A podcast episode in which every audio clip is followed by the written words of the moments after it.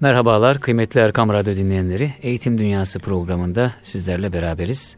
Bugün e, yine değerli bir, kıymetli bir konuğum var. Tekten Koleji Okul Yöneticisi Nuri Özkan bizimle birlikte. Hoş geldiniz hocam. Hoş bulduk efendim. Teşekkür ediyorum. Nasılsınız? Çok sağ olun. E, teşekkür ediyorum. Nuri hocam çok yoğun. Ee, onu e, bir programdan böyle kaçırarak stüdyoya getirdik. Evet, sürpriz oldu benim için. Ee, çok teşekkür ediyoruz zaman ayırdığınız için. Ee, Sayın hocam. Ee, bir proje vesilesiyle herhalde e, İLAM'daki toplantıda evet. bulundunuz. Evet. O toplantıdan e, inşallah eğitim dünyasına İLAM'da konu kalmış olduk. güzel bir toplantı oldu. E, Türkiye'nin kollarının, e, Hüdayi'nin kollarının İgeder'in kollarının ve ufkunun nerelere ulaştığını görmüş olduk çok Eyvallah. şükür elhamdülillah. Eyvallah. Daha da e, uzansın inşallah evet. hayırlı. Muhterem hocam e, dinleyicilerimize bir tanıtalım kendimizi eğer uygunsa. E, Tekten Koleji okul yöneticisi dedim evet. ben kısa bir tanıtım yapmış oldum ama siz biraz daha detaylandırın inşallah. Evet teşekkür ediyorum. Adım Nuri Özkan 1969 Karaman doğumluyum. Karaman İmam Hatip Lisesi mezunuyum. Sonra Selçuk Üniversitesi Eğitim Fakültesi Coğrafya Öğretmenliği bölümünde 1990 yılında mezun oldum. Ee, o senede Ankara Muradiye ile tanıştım. Özel Muradiye okulları ile tanıştık. Orada belletmen olarak eğitimcilik hayatımıza başladık. Asker dönüşü de e, fiili olarak öğretmenlik yapmak suretiyle 7 yıl Muradiye okullarının öğretmenlik yaptık. Daha sonra yöneticilik vesaire derken e, yaklaşık 25 yıllık eğitimcilik hayatımızın da 18 yılı e, yöneticilikle geçiyor. Şu Eyvallah. anda e, Tekten Koleji'nin e, Küçük Yalı Tekten Koleji'nin okul yöneticisiyim.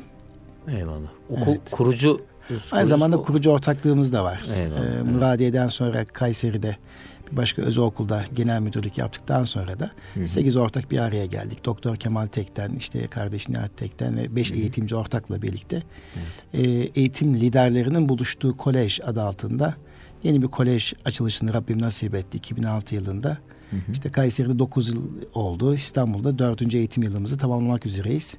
Çok şükür ama biz hizmetkarız. Eyvallah. Teşekkür ediyorum. Nuri Hocam e, aynı zamanda İGEDER'de yönetim kurulundasınız. E, evet. E, çalışmalara aktif olarak katılıyorsunuz.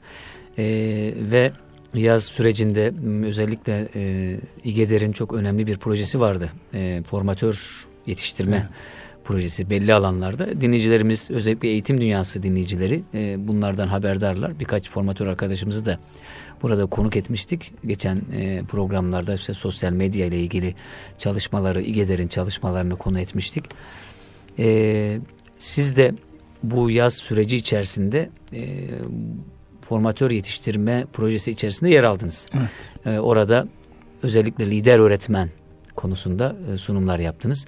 Sizin zannediyorum buna bir ilginiz de var bu alanla evet. ilgili. Aslında evet. yöneticilik. Evet. E, şu an uzun süredir de yöneticilikle uğraşıyorsunuz ama iyi bir öğretmen nasıl olmalı? Sizin tabirinizde fark atan eğitimci. Evet.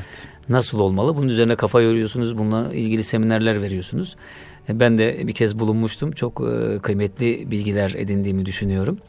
Onun bir formatını inşallah bugün eğitim inşallah. dünyasında inşallah. gerçekleştirelim isterim. E, Milli Eğitim de aslında e, işin bu noktaya vardığını görüyor. Yani hani teknolojinin kullanımı veya işte teknolojinin iyileştirilmesi vesaire bunlardan daha ziyade öğretmeni iyileştirmek, öğretmen kalitesini yükseltmek e, bunun önemli olduğunun da ayırdına varmaya başladı. Kimi çalışmalarla görüyoruz bunları. Öğretmene dönük çalışmalarla görüyoruz. E, fark atan eğitimci dediğiniz o başlık altında iyi bir öğretmen, evet nitelikli bir öğretmen, öğrencisine her yönüyle faydalı olan bir öğretmen nasıl olabilir? Bunun başlıkları neler sizce? Aslında ihtiyacımız olan bir konuyu paylaşıyoruz. Bugün Milli Eğitim Bakanlığı 900 bine yakın öğretmene sahip, eğitimciye sahip. 15 milyona yakında genç çocuk, e, Milli Eğitim Bakanlığı okullarında eğitim gören hı hı. ve geleceğe emanet edeceğimiz çocuklarımızı eğitiyoruz o 900 bin öğretmenle. E, tabii üniversiteyi bitirmiş olmakla iyi bir eğitimci, iyi bir öğretmen olunmuyor maalesef. Üniversite size sadece diploma sağlıyor. Okullara gittikten sonra, sınıfa girdikten sonra öğretmenlik mesleğini geliştiriyorsunuz. Yeterli hale getiriyorsunuz veya geride kalıyorsunuz. Hı hı. Tabii yönetici olmamız münasebetiyle 7 yıl öğretmenlik yapmış, daha sonra yöneticilik yapmış birisi olarak ve özel okulda çalışmış birisi olarak ister istemez kendinizi bu alana yönlendiriyorsunuz. Çünkü hı hı. öğretmen seçimini kendimiz yapıyoruz. E seçerken de öğretmenlerden aradığımız bir takım beceriler var. Hı hı. Bir takım beklentiler var. E tabii Türkiye şartları içerisinde e, bu konuşmayı yaparken e, seçtiğiniz kaynak Türkiye şartları. Türkiye şartları içerisinde öğretmen seçiyorsunuz. Ama seçtiğiniz öğretmeni de belli bir noktaya getirmek için de eğitim her zaman şart. Ee, öğretmen özel okulda bütün imkana rağmen çocuklar geride kalıyorsa, başarısız oluyorsa veya çocukları hayata adapte edemiyor isek veya onlara problem çözme becerilerini kazandıramıyor isek yine bizden kaynaklanıyor. Öğretmenden kaynaklanıyor. Çok güzel binalar yapabilirsiniz. Fiziki yapısı çok mükemmel. Her şeyi var olan bir bina yaparsınız. İçerisine çağın en son gerektiği donanımı da koyarsınız. Bilgisayar teknolojisi, akıllı tahtasını vesaireyi. Öğretmenin kullanması gerektiği dijital programı da yüklersiniz. Ama bunu kullanacak olan eğitimcidir, öğretmen. Evet. Dolayısıyla bir öğretmenin olması gereken özellikler asli unsurdur. Hı hı. Eğitimin en önemli, önemli unsuru öğrenciden sonra öğretmen ama aslında öğretmen. Öğretmeni iyi yetiştirirseniz, sınıfa iyi bir şekilde sokarsanız, öğretmen de kendisini değiştirirse, değiştirebilme gücünü kendisinde hissederse çocuklara faydalı olacaktır. Peki öğretmenin fark atan eğitimcinin özellikleri neler olmalıdır? Sorusu güzel bir soru. Benim de kafamı e, meşgul eden bir soru. Tabii öncelikle kişilik özelliklerinden başlamak lazım öğretmenin. Yani öğretmen olmaya karar vermeden önce öğretmen olmak isteyen aday, aday öğretmen veya eğitim fakültesini tercih edecek olan kişi kişilik özellikleri itibariyle o mesleğin standartlarına uygun mu? Bunu sorgulamak lazım. Bu sorgulanmıyor ama. Evet sorgulanmıyor. Yani yoksa öyle, hasbe kader öğretmen yok. mi olduk? Hmm. Ee, biraz önce katıldığımız toplantıda da örnek verdim. Tekten Koleji'nde hem Kayseri'de hem İstanbul Tekten Koleji'nde bir ay boyunca Hollandalı e, misafirlerimiz vardı. Öğretmen hı hı. adayı misafirlerimiz vardı. Bunlar kolejde okuyorlar. Suma Koleji'nde okuyorlar. Bu Suma Koleji değişik meslek gruplarını yetiştiriyor. Meslek adamı yapıyor. Öğretmenlik de bu mesleğin içerisinde. Ne diğerleri mesela? Onun örneğini işte, vermişsiniz. Çok garip geldi e, bana da. İşte inşaat boyacısı, hı hı. seramikçi, kuaför, hasta bakımcısı. Yani hayattaki ne kadar meslek varsa ve o öğretmen. meslekte ve öğretmenlik. Hmm. Önce öğretmenlik kişiliğine, özeline sahip mi? Temel beceri o kolejde alıyor. Ondan sonra eğitim fakültesine gidiyor. Hmm. Bize gelen e, kişiler de şu anda yardımcı öğretmen, assistant manager, e, teacher diye geçiyor. Hmm. Yardımcı öğretmen konumunda. Ancak eğitim fakültesine gittikten sonra öğretmen oluyorlar. Ama yardımcı öğretmen olacak bu kişiler, iki yıllık o kolejde okuyan bu kişiler, hmm. bakın bizim okula bir ay boyunca staj yapmaya geldiler. Farklı Daha ülkelerde öğretmen değil, fakültesinde bile değiller. Değiller tabii. Farklı hmm. ülkelerde neler yapılıyor? Hmm. Gözlemde bulunuyorlar. Örnek uygulamalara katılıyorlar. Sonra gittikleri ülkelerine döndükleri zaman değişik ülkelerden gelen kişilerle birlikte bunun sunumunu yapıyorlar. Eyvallah. Sonra da o iki yıllık performanslar doğrultusunda eğitim fakültesine kabul ediyor çocuklar. Kabul etmeye de bilir. Evet. Yani, o yani hani hemen kişilik özelliklerini evet, de Dolayısıyla işte burada tamamen kişilik özelliği oldukça önemli. Önce öğretmen olacak kişi kendisini hangi yeterlik bakımından kontrol etmeli? Bir sabırlı olması gerekir. Hmm. Öğretmenlik mesleği sabır gerektiren bir meslek. Gerçekten kişi bu meslekte öğrenciye karşı sabırlı olabilmeli. O sesi duyduğu zaman bülbül sesi duymuş gibi mutlu olmalı. Çocuk sesi duyduğu zaman. Bülbül sesi. Çocukların geride kaldığı zaman sabırla geliştirebilme duygusu taşımalı. Dolayısıyla sabırlı olmanın arkasından bir de öğretmen değiştirebileceğine inancı olmalı. O güç bende. Ben bir bireyi değiştirebilirim, hmm. yönlendirebilirim, yönetebilirim. Dolayısıyla ikincisi sabırlı olmak yetmiyor.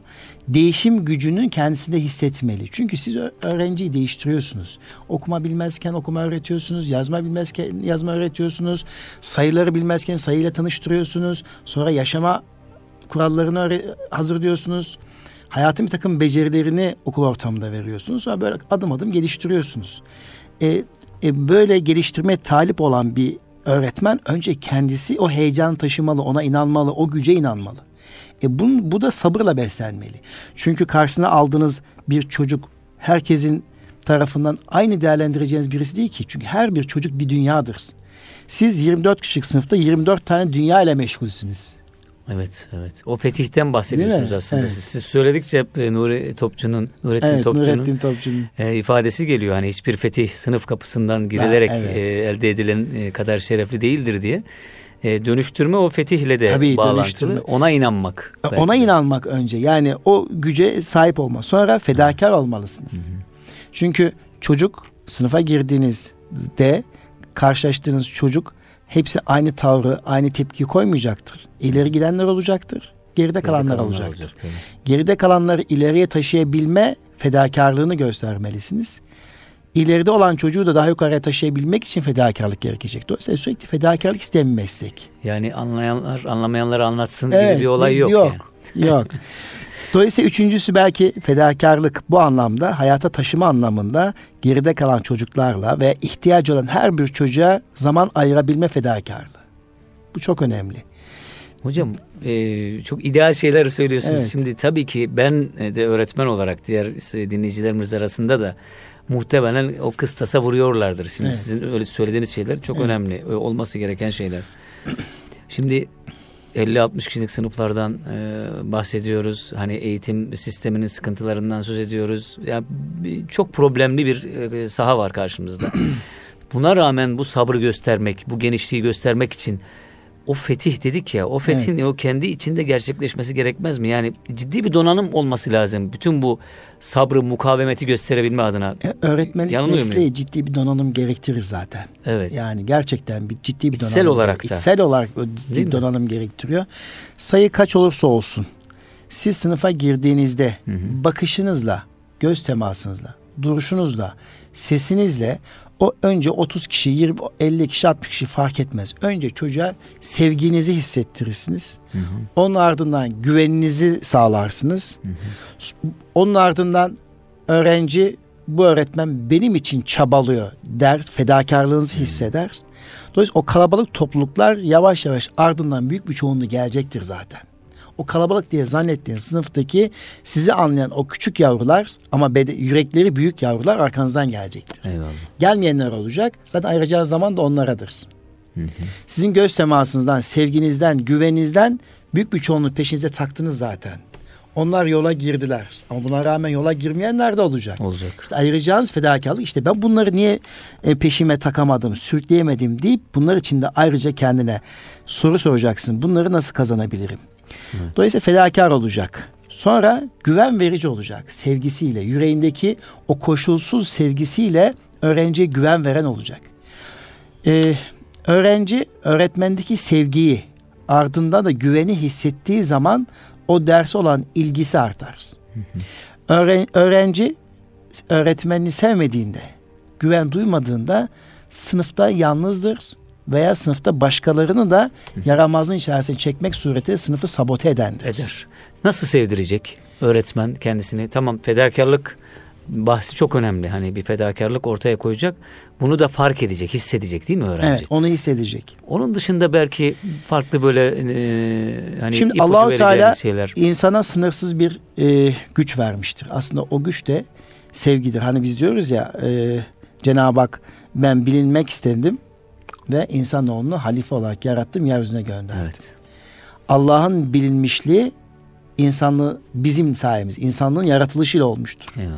Dolayısıyla biz Allah'ın ruhundan bir ruh taşıyoruz. Huh diye üfleyince o çamur nefa olan beden ilahi. evet nefa ilahi içimizde. Eyvallah. E Cenab-ı Hak merhamet sahibidir.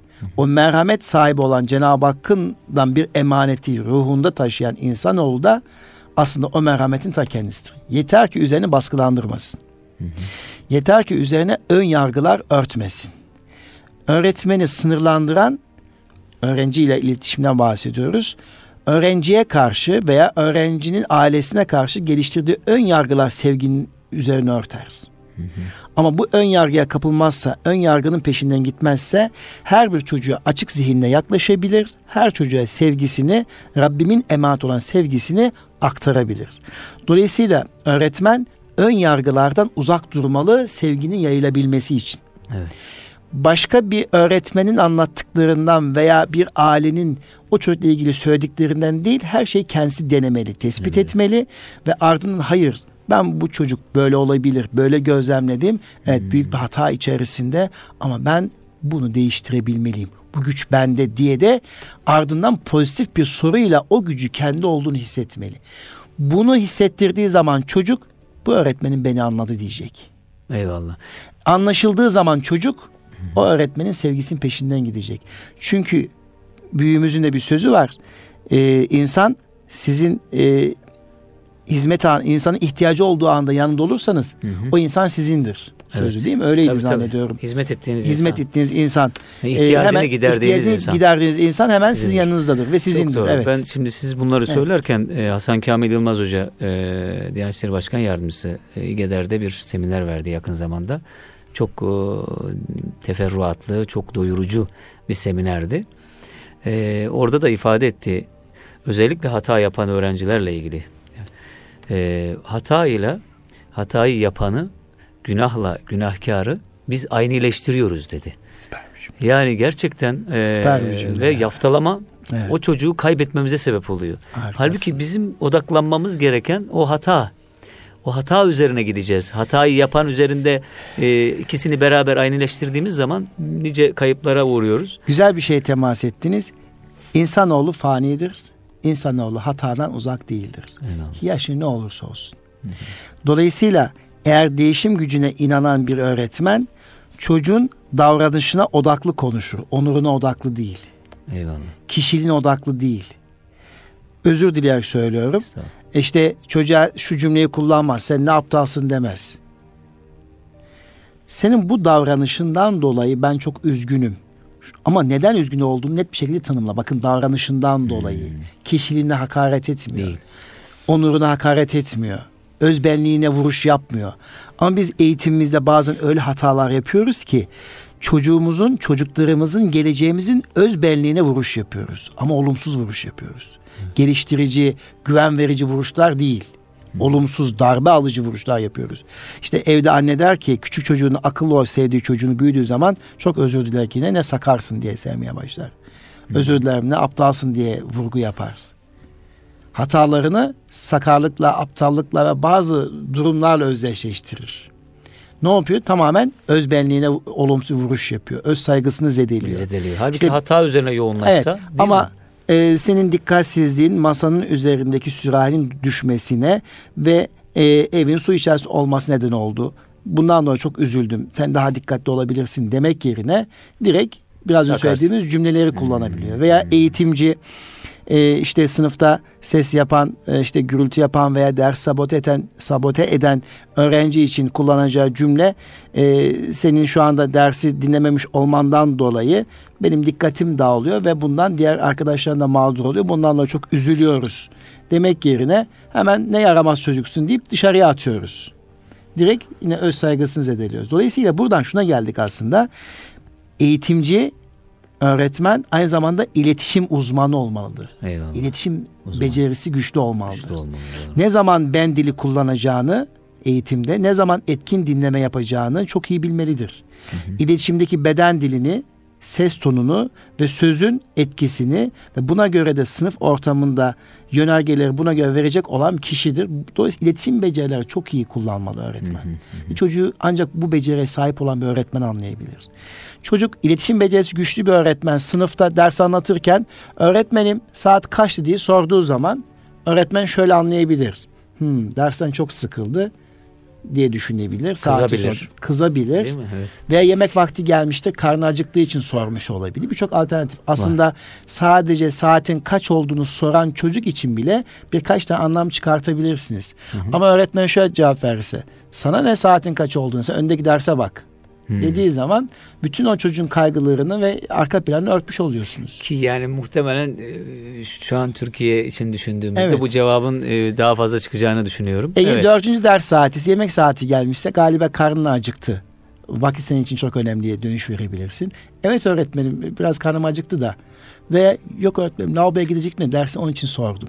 Hmm. Bakın aslında o etiketlememiş oluyorsunuz. Eyvallah. Çocuğa geri, o çıktının arkasındaki e, her bir mesajın bir görünüşü vardır. Bir de arka plandaki asıl maksadı vardır. İşte o maksada ulaşabilmek için bazen öğretmen uyanık olmalıdır. Uyanık İletişimde olmalı. de uyanık kesinlikle, olmalıdır. Kesinlikle. Şu da var hocam. Çocuk dili de değişebiliyor. Yani evet. hani aynı cümleyi belki büyük biri kullanmış olsa size onu direkt öyle anlamanız doğal Gerekir, olabilir. Doğal olabilir. Ama o çocuk kullanınca o saf, o masum niyetle belki de dediğiniz gibi az önce saydığınız e, mesela evet. onları aklımıza getirmiyoruz. Hemen ilk planda ya nasıl sen saati sorarsın. Büyük biri olsa belki Dersin böyle kaynadığını düşünerek öğretmen tepki gösteriyor. Yani evet çocuk diliyle biraz o iletişim becerilerinde o dili de e, evet. e, mutlaka yakalamak lazım. E, tabii eyvallah. iletişimde bu e, uzun bir konu tabii eğitimde Hı-hı. iletişim. Biz so- sadece şu anda fark atan eğitimcinin sahip olması gereken özellikleri söylüyoruz. Hı E, iletişimde beden dili, işte ses tonu, göz teması oldukça önemli. Bunları kullanabilen bir öğretmen. Hı hı. Kişilik özellikle itibariyle. Düşünün ki çocukların gözüne bakmıyor. Hı. Göze bakma kusurlusu bir eğitimci düşünün. Veya ses ya tonunu ayarlayamayan bir öğretmen düşünün. Hı. Veya el kol hareketle beden dili çok donuk olan bir öğretmen düşünün. Bakın kişilik özellik itibariyle. Tabii. Böyle bir öğretmenin sınıfta girdiği zaman dersi eğlenceli hale getirmesi mümkün değil. Değil. Çünkü eğitim göz temasıyla başlar ama düşünün ki öğretmen göz temasından mahrum. Kuramıyor. O beceri kazanmamış ve göze bakmaktan çekinen bir öğretmen. Hmm. E, e, sesiniz, ses tonunuz, vurgularınız dersteki e, kazanımları kavratma açısından oldukça önemlidir. Hı Çocuğun ders odaklanması açısından önemlidir ama bunu ayarlayamayan bir öğretmen. Beden dili e, ve dramatizasyon oldukça zayıf bir öğretmen. Dolayısıyla bir 40 dakika yıllık bir süreç içerisinde o öğrenciler o süreçte sıkılacaklardır. Çünkü evet. ders keyifli geçmeyecektir. Geçmeyecektir tabii. İletişimde tabii sadece çocuk değil bir de bir öğretmen ailesiyle de iyi bir iletişim kurabilmelidir. Sadece iletişimi. veli iletişimi. Hı hı. Sonra iyi bir fark atan eğitimci diğer meslektaşlarıyla da iyi bir iletişim kurabilmelidir. Bu da yetmez. Yine iyi bir ileti, eğitimci okul idaresi yönetimle iyi bir iletişim kurabilmelidir. Neden mi? Çünkü çocuk bir bütünseldir. Hı hı. İşte ilkokul düzeyine söyleyecek olursak sınıf öğretmeni olarak sizin geliştireceğiniz bir takım e, kısımlar var. Resim öğretmeni, başka öğretmen geliyorsa onun geliştireceği bir takım kısımlar var. Müzik öğretmeni, işte beden eğitimi öğretmeni. Hı hı. Siz bu öğretmenlerin kendi aralarındaki iletişim ne kadar güçlüyse bir çocuğa yapılan yatırım o kadar daha güçlüdür. Tabii. Bütünsel geliştirirsiniz. Okulda böyle e, okul idaresiyle, rehberlik servisiyle her bir öğretmen kendi arasında iyi bir iletişim ağı kurmalıdır. Çünkü bir çocuktan bahsediyoruz. Hı hı. Çocuk bütünsel geliştirebileceğine göre bu ağ ne kadar etkin ve güçlü olursa çocuk bütünsel bir şekilde gelişir. Yoksa hep yama olur. Birisi bu şekilde geliştirir, hmm. diğeri başka şekilde geliştirir. Bir bütünlük, bir estetik bir ahenk çıkmaz. O zaman yarım yamalı bohça gibi olur. Hı Dolayısıyla öğretmenler odasında bazen görüyoruz. Öğretmenler arasında iletişim yok. Aksine iletişimsizlikler hat safhasında iletişim kazaları oldukça fazla. Hı hı. Bir araya gelip toplantılar yapmıyorlar. Yapsalar bile kağıt üzerinde kalabiliyor. Eğitimde şök toplantı dediğimiz toplantılarda her bir öğretmen o öğrenciyle ilgili gözlemini havuza aktarır. Birbirlerinden fayda görürler ve ortak bir akıl geliştirerek o sınıfa veya o çocuğa ona göre stratejik adımlar uygularlar. Mesela bu yeterince uygulanmadığını görüyorsunuz. Hı hı. Öbür tarafta aileyle iletişim. E çocuk bir aile ortamından geliyor. Ailenin kültürü, ailenin sosyoekonomik özelliği, ailedeki kardeş sayısı, ailenin sağlık durumu, ailenin e, diğer e, komşu ilişkileri, ailenin büyüklüğü, küçüklüğü bunların hepsi çocuk için bir kazanılmış becerilerdir veya kazanılmış bilgilerdir. E sen burayı tanımadan, bu ortamı görmeden, çocuğun ailesini tanımadan, ailesiyle iletişim kurmadan çocuğu geliştiriyorum dersen o da yanlış. Hı hı. Dolayısıyla eğitimde iyi bir eğitimci aynı zamanda aileyi yanına koşabilendir. Evet. Bizim e, ortaklarımızdan Hüseyin Akar Bey e, Kayseri'de aynı zamanda bizim CEO'muz. Biz ondan çok şey öğrendik. Allah kendisine razı olsun. Gerçekten Hüseyin Akar Bey e, biz tanışmadan önce Kayseri'nin mucize öğretmeniydi. Hmm. Sabah gazetesine yansımıştı o dönemde. Düşün birinci sınıf okutmaya başladığında 800 kişi müracaat ediyor. 800 kişi benim e, öğrenci çocuğumu alsın diye. Çocuğumun öğretmeni olsun diye. Hmm. Ve noter usulüyle işte 32 kişi zannediyorum belirlenmişti. Ya düşünün şimdi bir öğretmene neden 800 kişi talip olur? Yani ben benim çocuğumun öğretmeni birincisi bu olsun bu okutsun diye. Veya işte geçen basılı yansıyan ismini şu an hatırlayamayacağım Malatya'da bir öğretmen. Neden o öğretmene e, insanlar odaklansın? sayısı az olmakla birlikte bunun gibi hatırı sayılır ve anne babanın ebeveynin aradığı eğitimcilerin özelliği nedir? Fark atan eğitimciler olarak kabul edecek olursak bunları. Neymiş işte bu beceriler Hüseyin, çok iyi kullanmış olmalarını. Hüseyin, Hüseyin Akar ne diyor biliyor musun? Hüseyin Akar Bey bir kere her çocuğa açık zihinle yaklaşır. Ön yargısız yaklaşır. Bir. Açık zihin kelimesini ben ondan duydum. Hmm. Nur hocam her bir çocuğa açık zihinle yaklaşabilmek lazım. Yani biraz önce söylediğim hmm. ön yargı e, bizim sevgimizi kapatıyor demiştik. Hı Ön yargısız davranabilmek lazım. Öğretmen ön yargıyı nasıl elde eder? Önce çocuğa bakar. Sonra birkaç yanlışın hatasını görür. Sonra onu etiketlemeye başlar. Sonra Zihninde anladığı bir kalıba koyar. kalıba koyar. Veya annesi babası bir saygısızlık yapmıştır. Bir kusur yapmıştır. Hı hı. Annesine babasından dolayı çocuğa kendisini kapatır.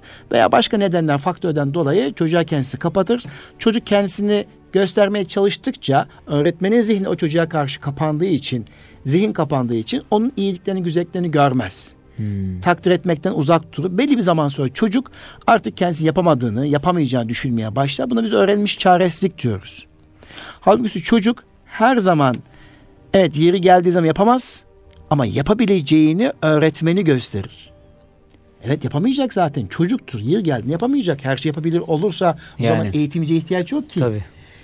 Eğitimci yapamadığı zaman onun nasıl yapabileceğini gösteren kişidir engellere takıldığı zaman o engeller nasıl aşabileceğini gösteren kişidir. E şimdi engelleri aşamadı. Engelleri aşması için birkaç çocuğun tembelli olabilir, öğrenme kusuru olabilir, şu olabilir, bu olabilir, ailesi olabilir. E mübarek sen de eğitimciysen bu bunlar nasıl aşacağını aşabileceğini gösteriyorsan zaten fark atan eğitimci olacaksın. Tabii. Sen de oraya takılıp kalmışsan eğer evet bu çocuğun yapabileceği bu kadar. Bu böyle olmalıdır dersen takılıp kalırsan çocuk zaten değişim gö- gösteremezsin. O zaman inancın yetersiz. Değiştirebilme gücün yetersiz. Hmm. İşte açık zihin Demek meselesi ki o ön bu. yargı meselesi çok İkincisi, derin bir konu. Evet sonra anne babalar iletişim çok iyiydi. Hüseyin Akar Bey'in. Yani ailelerle ayda bir toplantı yapmayı biz ondan kaptık. Biz önceden e, özel okul yine özel okuldaydık. Dönem, bir dönemde dönem. bir kez bir hmm. toplantı yapıyorduk. İkinci dönem toplantı yapardık. Hmm. Şimdi e, Kayseri Tek'ten de ayda bir iletişim toplantısı yapılır. Veli iletişim toplantısı yapılır bir. İşte Kayseri Tek'ten de biz bunu 45 güne çıkardık İstanbul şartlarında. Yani dönemde üç kez yapıyoruz. Hı hı. İkinci dönem üç kez, birinci dönem iki kez yapıyoruz. Yoksa normalde klasikte öyledir biliyorsunuz veli toplantıları. Tabii. Bir de bununla kalmıyor veliye bir takım sorumluluklar veriyorsunuz. Diyorsunuz ki ki temel eğitimci olduğu için Hüseyin Akar Bey okumayı sevdiren bir insan olduğu için diyor ki bu çocuklar okuma yazmaya geçecekler. Birinci sınıfa başladılar ama önce okumayı ailede öğrenir. Hmm. Aile okuyorsa çocuk okur. Doğru okur. Okumayı kavrar. Dolayısıyla masal okumaları başlattı evde. Hmm. Önce aileye bakın. Aileye yatırım yapıyor. Güya 32 tane öğrenciye değil. Önce aileye. Bu çocuklar okuyacaklar ama önce aile okuyacak. Eyvallah. Peki ailede okuma malum kusurlu bir milletiz. O zaman biz masallar okuyalım. Gelin çocuklara masal okuyalım. Çocuklar sizin masal okuduğunuzu görsün. Eyvallah. Masal okurken ailecek 15 dakika 10 dakika. İşte çocuk da ne yapıyor? O okumanın keyfi içerisinde iştahlı bir şekilde okumaya bir önce geçmenin heyecanı, mutluluğunu tattırıyorsunuz. Sonra okumaya geçiyorlar. Ailede yine masa okumalar devam ediyor. Bu sefer ne yapıyorsunuz? Çocuğu okutuyorsunuz. Yeni geçmiş çocuğu okutuyorsunuz. Beraber masalları tahlil ediyorsunuz. Drama ediyorsunuz. Anne, baba, çocuk hep beraber. Evet. mi? Bu Hüseyin Akar Bey o dört sene beş eski sistemde beş seneli beş sene devam edinceye kadar ailede okumalar devam etmiştir bakın. Sonra yetmez. Hüseyin Akar Bey ne yapar? Bir de bu çocukları e, velilerin, çocukların velilerini sıklıkla eğitime davet eder. Onları değiştirmeye çalışır. Çocuklarda gördüğü bir takım yanlış tutum ve davranıştan önce ailede olduğunu düşünür. Ben aileyi değiştirirsem, anne baba değiştirirsem, evde abi ablayı değiştirirsem çocuktaki bu yanlış tutum ve davranışlar da değişir. Eyvallah. Nitekim psikologlar da e, önce bir vaka kendisine geldiğinde, danışan kendisine geldiğinde önce aileyi tanımak isterler. Önce aileye inmek lazım. Bu çocukta Tabii. bu var ama bu nereden edindi bu kazanımı? Aile mi, okul mu, arkadaş mı? Sonra çocuğa dönülür. Dolayısıyla önce aile eğitimi de bu anlamda aileyle iletişim ve aile eğitimi oldukça önemli. İşte iletişim kısmında e, bir öğretmen buna açık olmalı bu şeye. Şimdi e, kişilik özellikleri tabii sıralamak oldukça mümkün. Bir de bir öğretmen e, kişilik özellikle itibariyle evet sabırlı olmalı, değiştireceğine inanmalı, gücü kendisini hissetmeli, fedakar olmalı dedik, güven verici olmalı, iletişim becerisi güçlü olmalı dedik. Bunların hepsi oldukça önemli. Ama bir de bir eğitimci organizasyon yönü, planlama Hmm. ve organizasyon. Bunu iki başlıkta söyleyeyim. Bir, ön planlama. Çünkü Nurla, şey, Nurettin Topçu Hoca Efendi'nin de söylediği gibi, hocanın da söylediği gibi bir eğitim süreci öncesinde eğitim kutsalsa o kutsalın bir ön planlaması vardır. Tabii. Örnek namaz kılmak bizim için Allah'ın bir emridir. Bir kutsallığı var. Ama onun bir ön hazırlığı var değil mi? Tabii. Durup dururken apar topar namaza durmuyorsunuz. Ön hazırlık yapıyorsunuz. Niyet abdest alıyorsunuz. Niyet edip abdest alıyorsunuz. Sonra namaza niyetle başlıyorsunuz. Eyvallah. Direkt Allahu Ekber diye namaza başlamıyorsunuz. Dolayısıyla eğitimci de bir sınıfa girmeden önce sınıf öncesi hazırlıkları dediğimiz planlama kısmı o sınıfa uygun olmalı. Ve sınıfı plan yaptığı planlama sınıfın ihtiyacını karşılamalı ve değiştireceğine inanmalı. Niyet etmeli. Ben bugün Türkçe ile, bugün matematikle, bugün fen bilgisiyle hangi ders olursa olsun. Oradaki kazanımlarla sınıfta şunları vermeyi hedefliyorum iyi niyetin taşımalı, ön yargısız. Sınıfın özelliğine, kültürüne, şuna buna bakmaksızın o kültüre uygun planlama yapacak. Girecek, iyi niyetle girecek. Bir ayağa girerken iki ayağa geri giden şeklinde değil. Her zaman iyi niyetle girecek. Niyet tazeleme çok Niyet önemli. tazeleme çok evet, önemli. evet, evet. hocam. Her zaman o iyi niyetle girecek. 40 dakikalık süreci de o ni o iyi niyet içerisinde dersin giriş, dikkat çekme davranışı, geliştirme ve pekiştirme dediğimiz sonuç bölümleri dahil olmak üzere güzel bir şekilde amaca uygun bir şekilde yapacak ve öğrencileri o 40 dakikalık süreç içerisinde dersin içerisine katacak. Ders keyifli hale gelecek. Zaman zaman dramatizasyon, zaman zaman, zaman aktif öğrenme yöntemlerini kullanmak suretiyle iyi bir rehberlik yapacak. Dersin son 5 dakika 10 dakikasında bu kazanımlardan siz yaşamınıza ne transfer ettiniz? Ne öğrendiniz? Sorularıyla veya direkt soru kalıplarıyla dersin içeriye dönük sorular soracak. Ve ondan sonra da varsa ödevlendirmesini yapacak ve mutlulukla bir sonraki derste şu konuları, şu kazanımları görüş, bu, bu- e, şu kazanımları görmek üzere diye mutlulukla sınıftan ayrılacak. Zil çaldı çocuklar çıkabilirsiniz. Haftaya görüşürüz değil. Bir sonraki derse de adapte edecek. Çocuklar perşembe iki saat dersimiz var. O derste de yine çok güzel konular, kazanımlarla birlikte olacağız. Ödevlerinizi yaparak geleceğiz inanıyorum. Hepinize güzel bir gün diliyorum. Başarılar diliyorum deyip çıkmak. Bu motivasyonla çıkmak. Evet. Heyecanlandırmak, isteklendirmek çocukları. Aslında o cümleler öğretmenin kendisini de motive eden cümleler. Yani kendisini kendisini de onaran onaran cümleler. cümleler. Bu eğitimde özellikle kullanılan kelimeler, Evet. cümleler e, siz anlattıkça e, açılıyor zihin zihinde de bazı şeyler. E, kişinin kendisini de öğ- öğrenciyi de değiştiren, dönüştüren şeyler. Hani o hata ve hatalı Evet. meselesinde ele aldığımız e, aslında güzel kelimeler neticesinde de çok dönüştüreceğimiz e, öğrenciler var karşımızda. Ben araya girmek çok istemiyorum ama siz maşallah Buyurun aldınız hızınızı gidiyorsunuz. Şimdi e, ders içerisinde eyvallah onlara devam edelim. Hani öğretmen e, belli bir e, aktivite e, koymalı. Ortaya belli bir performans koymalı ders içerisinde. Bir de şu var hocam. Ders dışında hani şöyle bir söz vardı bir eğitimcinin. Asıl ders ders dışında verilendir diye. Ders dışında da öğrenciyle temas önemli değil mi? Yani öğretmenin bu noktadaki fonksiyonu ne olmalı? Onu da sorayım. Güzel bir Ee, e, araya gideceğiz evet, biraz sonra. Güzel bir e, konuya temas ettiniz. Zaten eğitim faaliyeti dört duvarın arasında gerçekleşmez. Eyvallah. Orada sadece çerçeve çizilir. Asıl sınıfın dışında ve sınıf dışı mekanlardaki öğretmenin tutum, tavrı ve davranışı o işi taşır geleceğe. Şimdi e, ortak yaşam alanı öğretmen ile öğrenci arasındaki ortak yaşam alanı ne kadar genişse Genişse. o sevgi bağı, o köprü o kadar fazla kurulur. Eyvallah. Ama sınıfa girip çıkan, onun dışında öğretmen odasında vaktini geçiren, çocuklarla teneffüs alanda, bahçede veya dışarıda değişik piknik ve organizasyonlarla zaman geçirememiş öğretmen etkin bir eğitimci, etkin bir öğretmen değildir. Değildir. Asıl eğitim sınıfta dört duvar arasında gördüğünüz e, kazanımları zaman zaman sınıfın dışına taşıyarak, gezilerle, sosyal etkinliklerle öğrenilen bilginin davranışa dönüşüp dönüştürmenin dönüşüp dönüşme kontrol etme mekanizmasıdır. Eyvallah. Çünkü geziler doğal öğrenme sürecidir. Sınıftan kurtuluyor çocuk. Siz oradaki temel eğitim için konuşuyoruz daha çok. Bu lise içinde geçerli.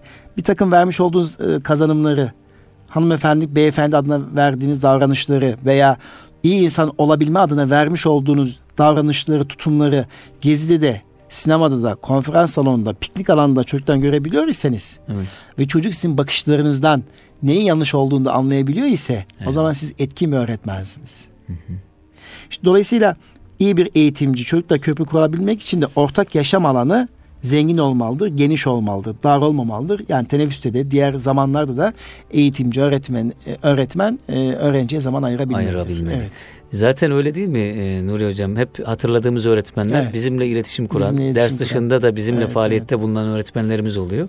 Kimi üniversitelerde mesela biz e, birçok öğretmenimizden, hocamızdan koridorlarda ki sohbetlerden çok fazla şey e, elde etmişizdir, istifade etmişizdir.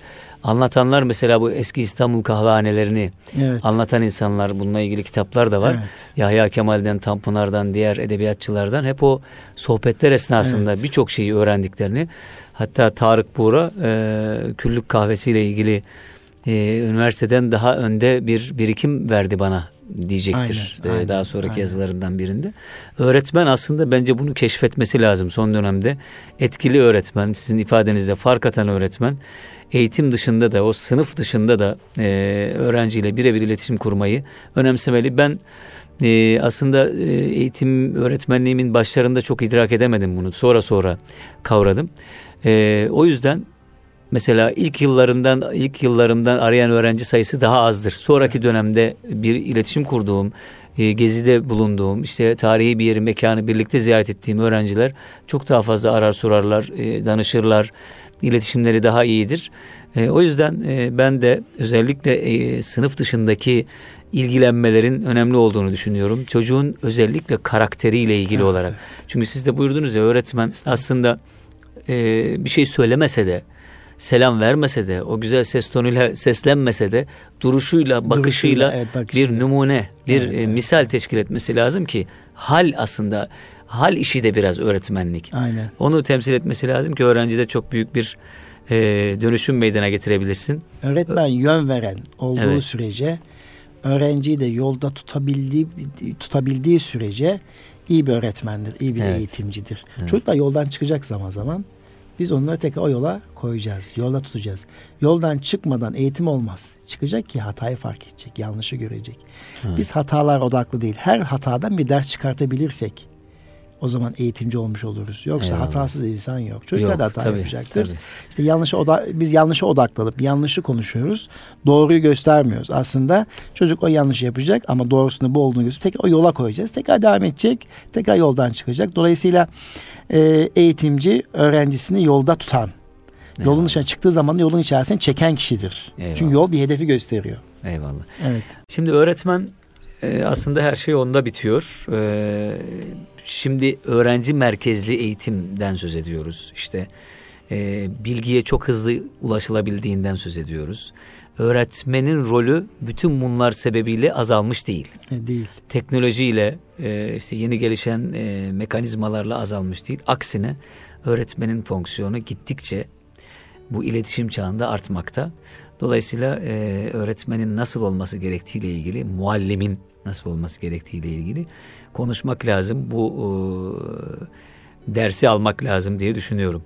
Öğretmenin kendini yetiştirmesi hususu Sayın Hocam. Yani yeni gelişen şeylere mutlaka açık olması gerektiğini herkes zaten biliyor, söylüyor. Kendi mesleğiyle ilgili yeni e, ortaya konulan yayınları takip etme gibi.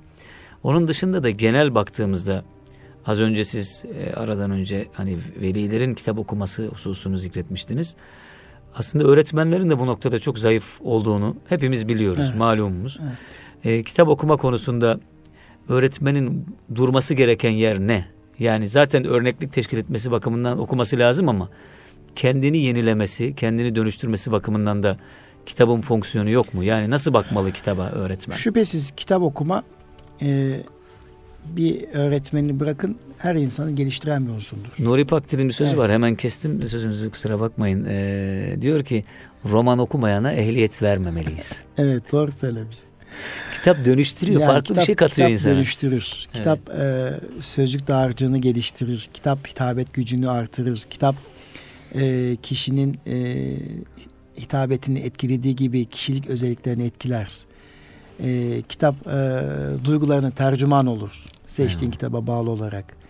Aslında e, kitap en, en iyi dosttur deriz ya. Kitap en iyi dosttur. E, ama e, toplum olarak da bu nokta zafiyetimiz ortada. TIMS ve PISA sonuçlarına baktığımız zaman Türkçe okur yazarlığı bakımından çok gerilerdeyiz. Matematik okur yazarlığı, fen okur yazarlığı da aynı şekilde. Ancak matematik ve fen okur yazarlığında geri olmamız nedeni de Türkçe okur yazarlığındaki Eyvallah. geriliğimizden kaynaklandığını düşünüyorum. Evet. Biz okulumuzda SITO öğrenci izleme sistemi diye bir uygulamamız var. Hı. Oradan çocuklarımızın okuduğunu anlama, dinlediğini anlama, sözcük dağarcığı ve yazma becerilerini ölçüyoruz. Hı. Türkçe kazanımlar içerisinde.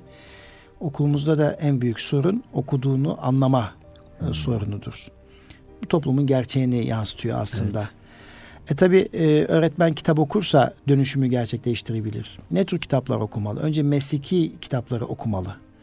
Sonra diğer genel kültür kitapları okumalı. Çünkü öğretmen genel kültürden de uzak kalmamalı. Sanattan, spordan, e, teknolojik gelişmelerden, e, bilim dünyasındaki bir takım gelişmelerden haberdar olmalı.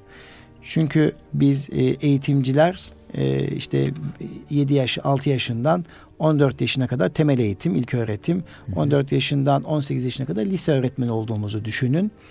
E bizim amacımız çocuklarımızı hayata hazırlamak ise hayatın e, hazırlayabilme iddiasında olan bir eğitimci, fark atan eğitimci vizyonu taşıyor demektir.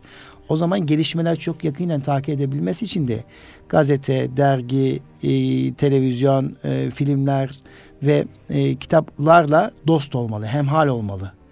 Bu ancak bu e, fark atan eğitimci olmayı sağlayan temel unsurdur. Öğretmen dönüşümü açısından konferanslara katılabilmeli, sempozyumlara katılabilmeli, e, eğitimde iyi örnekler toplantılarına katılabilmeli veya burada da eğitimde iyi örneklerle ilgili kendi yaptığı çalışmalar varsa sunuş yapabilmeli. Ve bu da diğer camia ile öğretmen camiası bir araya gelmeyi sağladığı için de müzakere ortamı doğuracaktır. Bu da gelişimi sağlayacaktır.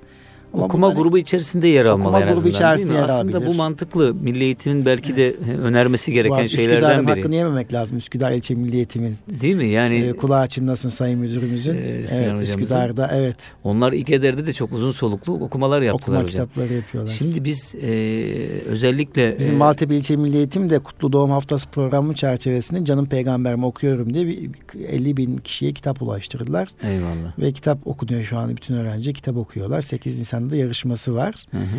Ee, bir de ayda bir okullarda öğretmenler kitap okumak için e, öğretmen kitaplı oluşturdular. Evet. Ee, yani biraz önemsenmeye başladı ama tabii zorla gidiyor. Ya yani Zor, o heyecanı, o mutluluğu vermek lazım. Evet. O değişimi yaşatmak lazım. O özellikle evet. bir araya gelme konusu. Biz Türk Dil Kurumu Başkanı Sayın Mustafa Kaçerin hocamız da yeni başkan olduğunda İGEDER olarak ziyaret etmiştik. Burada Marmara'da Türkçe Bölüm Başkanı aynı zamanda.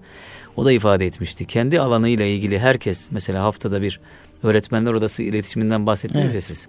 Öğretmen aynı zamanda diğer öğretmenlerle iletişim halinde olmalı. Dönüştürebilen. Fen bilgisi öğretmeni ise kendi alanı ile ilgili şimdi ben Türkçe öğretmen olarak fen bilgisi alanıyla ilgili çok bilgi sahibi değilim ama o kendisi o konunun uzmanı.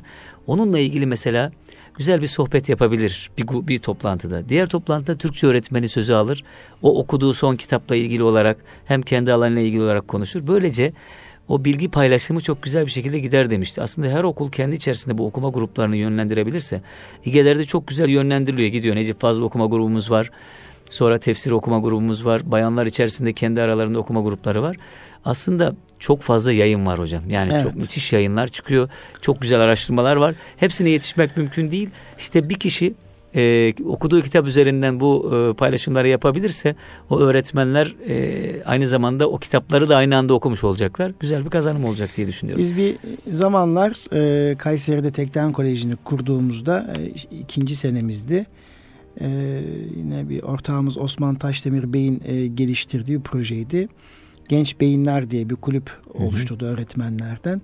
O genç beyinler dediğimiz genç arkadaşlarımız, mesleğine atılmış arkadaşlarımız 15 günde bir konu belirliyorlardı ve hı hı. bizlere sunuş yapıyorlardı. Değişik konu başlıklarında. Eyvallah. Epey de güzel oldu.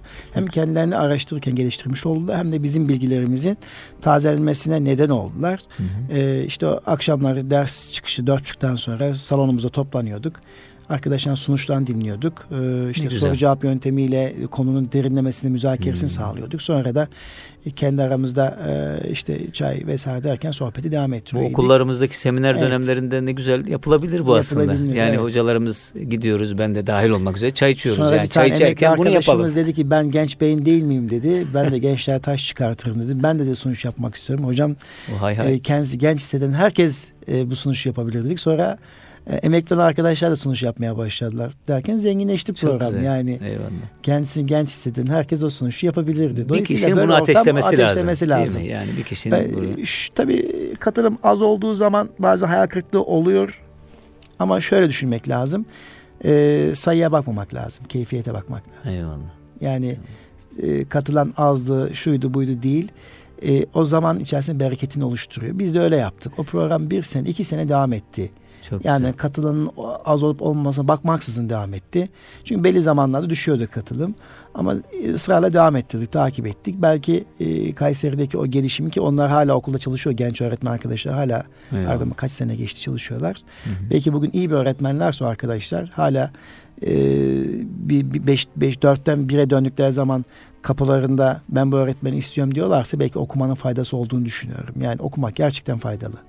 Eyvallah. Sadece bu yetmiyor. Bir de internette e, dünyada neler yapılıyor bunu takip etmek lazım. Bugün hı hı. o kadar Face'ten, e, Facebook'tan, Twitter'dan yeni gelişmelere e, yeni gelişme içerisine düşüyorsunuz. Birden karşınıza metin çıkıyor, makale çıkıyor. Hı hı işte davranışı değiştirmenin dört temel başlığı diyor bir başlık veya sınıf yönetimini on kuralı diyor bir başlık böyle bir tercüme edilmiş. Hı hı. E, farklı ipuçları verebilecek e, küçük küçük metinler de karşınıza gelebiliyor. Bunlar ben takvim metinleri, tak, takvim yaprağı metinleri diyorum. Hemen kısaca okuyorsunuz. Evet. Orada bile kitap okumuş gibi bilginin özüne ulaşabiliyorsunuz. Eyvallah. Yani okuma illa kitap diye akla gelmemeli. Her türlü kısa metin, uzun metin, dergi, makale e, hepsinin içerisinde düşüp kendimizi onun içerisinden e, geliştirmemiz lazım diye düşünüyorum. Eyvallah. Evet. E, Sezai Karakoç'un e, şimdi alanımız şiir olduğu için oradan hep evet. giriş yapıyorum hocam. Oradan şiir bir okuyabilirsiniz şöyle. oradan bir geçiş yapacağım. Eyvallah. E, bu metafizik ya da maneviyattan e, nasibini almamış şiirin evet şiir olabileceğini ama büyük bir alemden yoksun olan bir şiir olacağını söylemişti.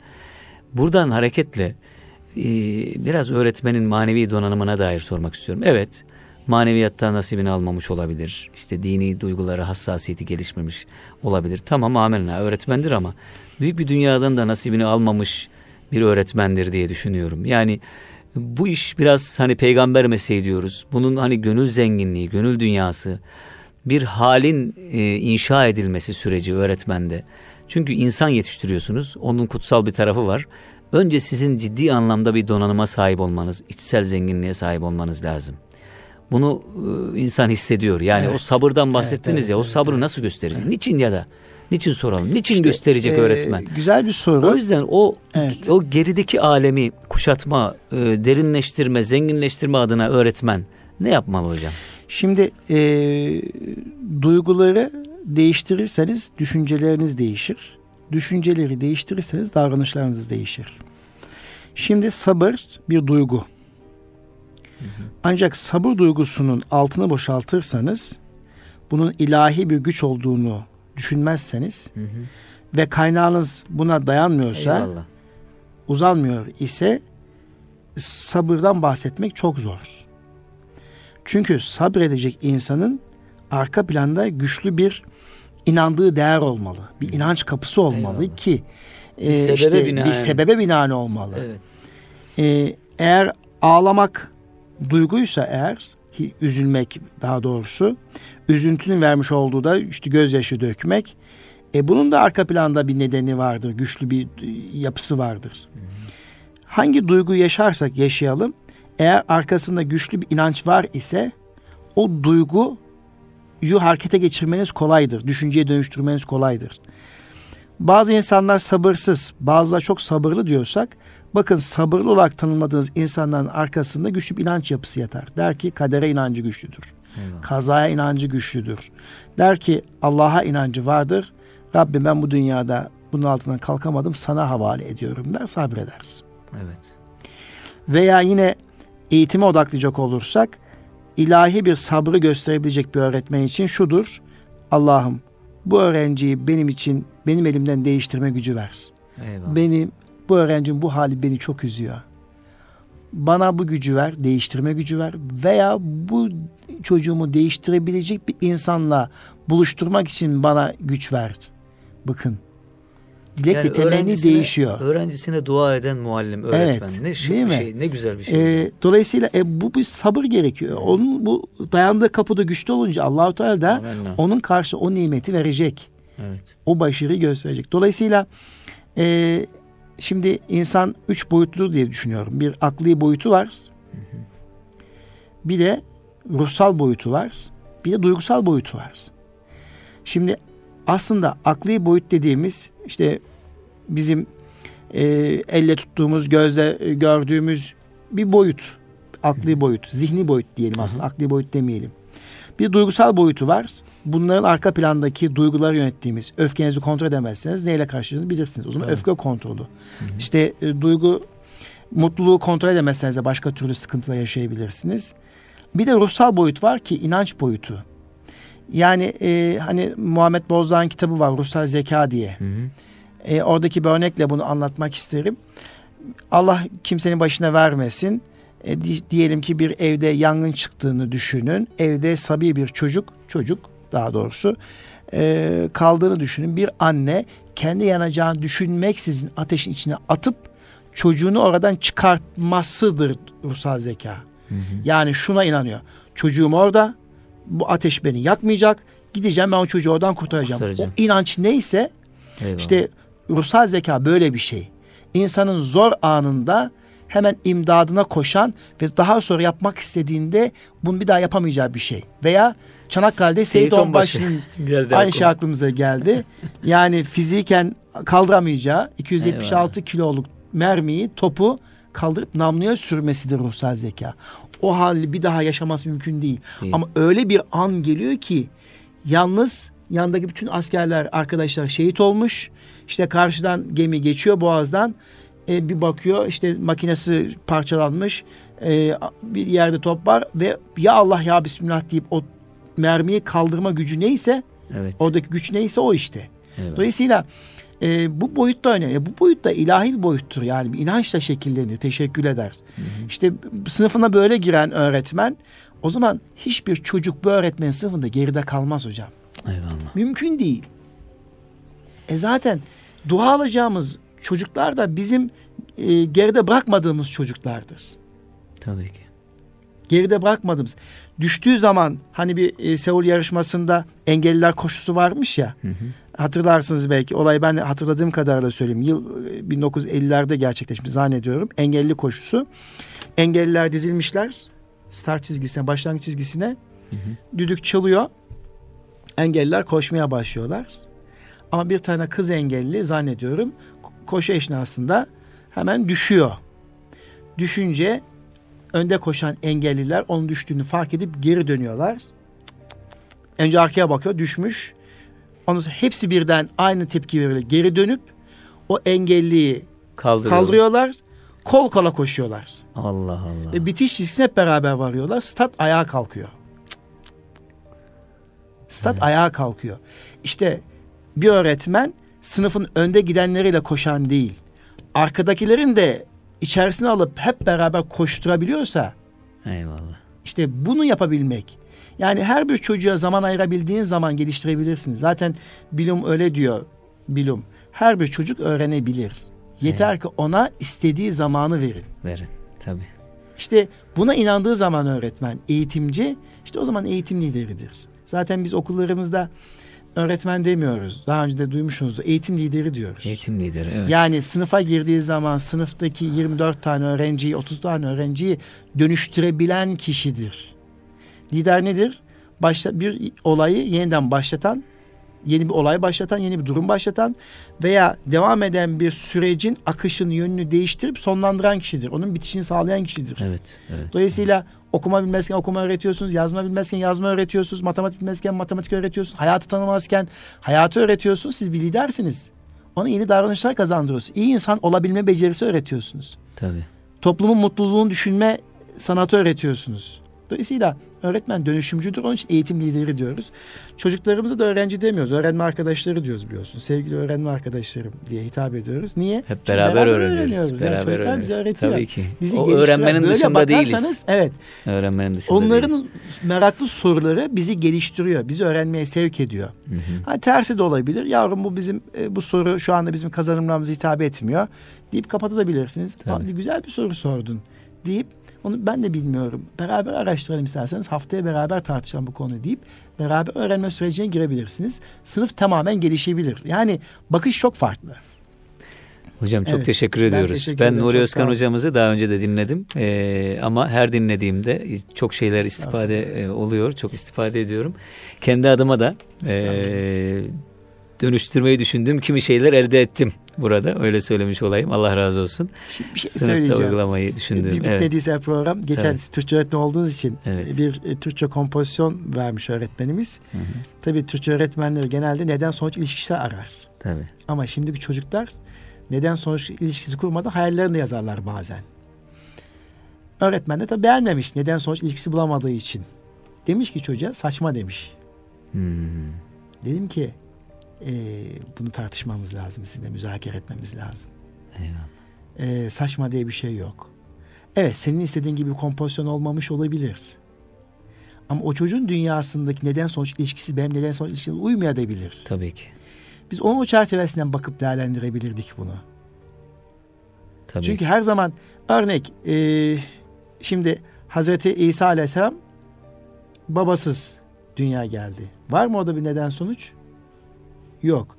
Bir zaman atom parçalanmaz diyorduk. Öyle inanmıştık, inandırılmıştık. Şimdi atom parçalandığını biliyoruz. Çünkü dolayısıyla çocukların e, üretkenliklerini, farklı bakışlarına saygı gösterip evet güzel bir kompozisyon, değişik bir kompozisyon olmuş. En az güzel demezseniz bile değişik bir kompozisyon olmuş. Ancak ben şöyle şöyle beklemiştim ama seninki de farklı olmuş deyip hem beklentisini söyleyip hem de kendisini e, övüp yazma cesaretini artırabilirsiniz. Ama çocuğa direkt saçma dediğiniz an Tabii, bir daha çocuk yazdıramazsınız. hocam. Tabii o, o çok doğru değil. Özellikle yazma hususunda evet. o hayalleri iyi tutmak lazım. Yani evet. o, o çocuğun hayalinin de sizin e, akli sınırlarınızın üstünde olabileceğini de Düş, düşünmeniz lazım. lazım. Hayal hırsı hikayesi vardı biliyor musun? Tabii yani e, çevre temizliği ile ilgili bir kompozisyonda öğrencinin bir tanesi şöyle demişti. Madem açtınız oradan evet. girelim. Vaktimizi aslında doldurduk. Yani e, çevremizi çok temiz tutmalıyız. Her önüne önümüze gelen şeyi atmamalıyız. İşte e, çöpe atmalıyız.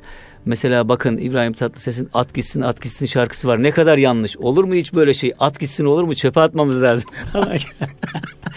Şimdi buna bunu çocuk kendi dünyasında böyle yorumluyor. Aa evet. ne kadar güzel örnek vermişsin ya. Ben hiç böyle düşünmemiştim falan demek belki de. Evet en güzel. O çocuğu yani. ileriki değişik. yazmalarda Hatta çok daha zengin kılacaktır. Farklı bir şey olmuş. Değişik değil. yani eyvallah. Ee, oradakinin başka bir at olduğunu söylemeksizin evet, yani, çocuğu öğretmek lazım. Tabii. Yoksa çocuk mahcubiyet duyduğu zaman hem o dersi kapatıyor kendisini Kapatır. hem öğretmene kapatıyor. Evet, evet, evet. evet. Eyvallah o çocuktaki e, mümkün olduğu ölçüde e, işimize evet. yarayacak alanları evet, elle doğru. tutmamız ve onu öne çıkarmamız doğru lazım.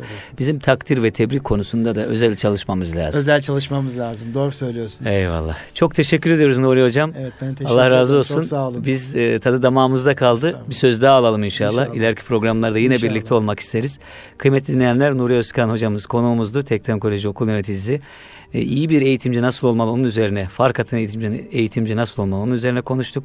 İnşallah ileriki programlarda yine başka konularda sohbet ederiz. İnşallah. Tekrar teşekkürler. Çok teşekkür ederim. Hepiniz Allah'a emanet olunuz. Sağ olun. Allah razı olsun.